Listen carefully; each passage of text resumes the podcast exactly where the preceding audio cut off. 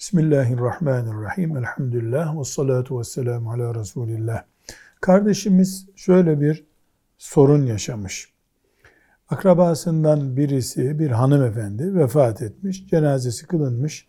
Tam mezara indirileceği zaman cenaze, birisi demiş ki bu kadın bunu oğlu indirmesi lazım demiş.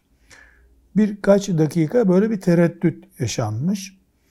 Ee, sonra bir şekilde mezara indirmişler ölüyü. Soru şu, kadını mahremi olan birinin mi mezara indirmesi lazım? Oğlu, babası, kardeşi, dayısı, amcası, yeğeni gibi.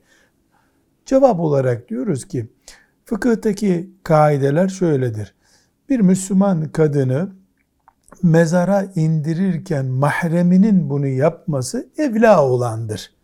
Evla olan şu demek. Yani olursa daha faziletli olur ama bir başka Müslüman da indirse bunda bir vebal Allah'ın izniyle yoktur. Allah rahmet etsin ölülerimize de kim mezara indirirse indirsin diyebileceğimiz bir noktadır bu. Velhamdülillahi Rabbil Alemin.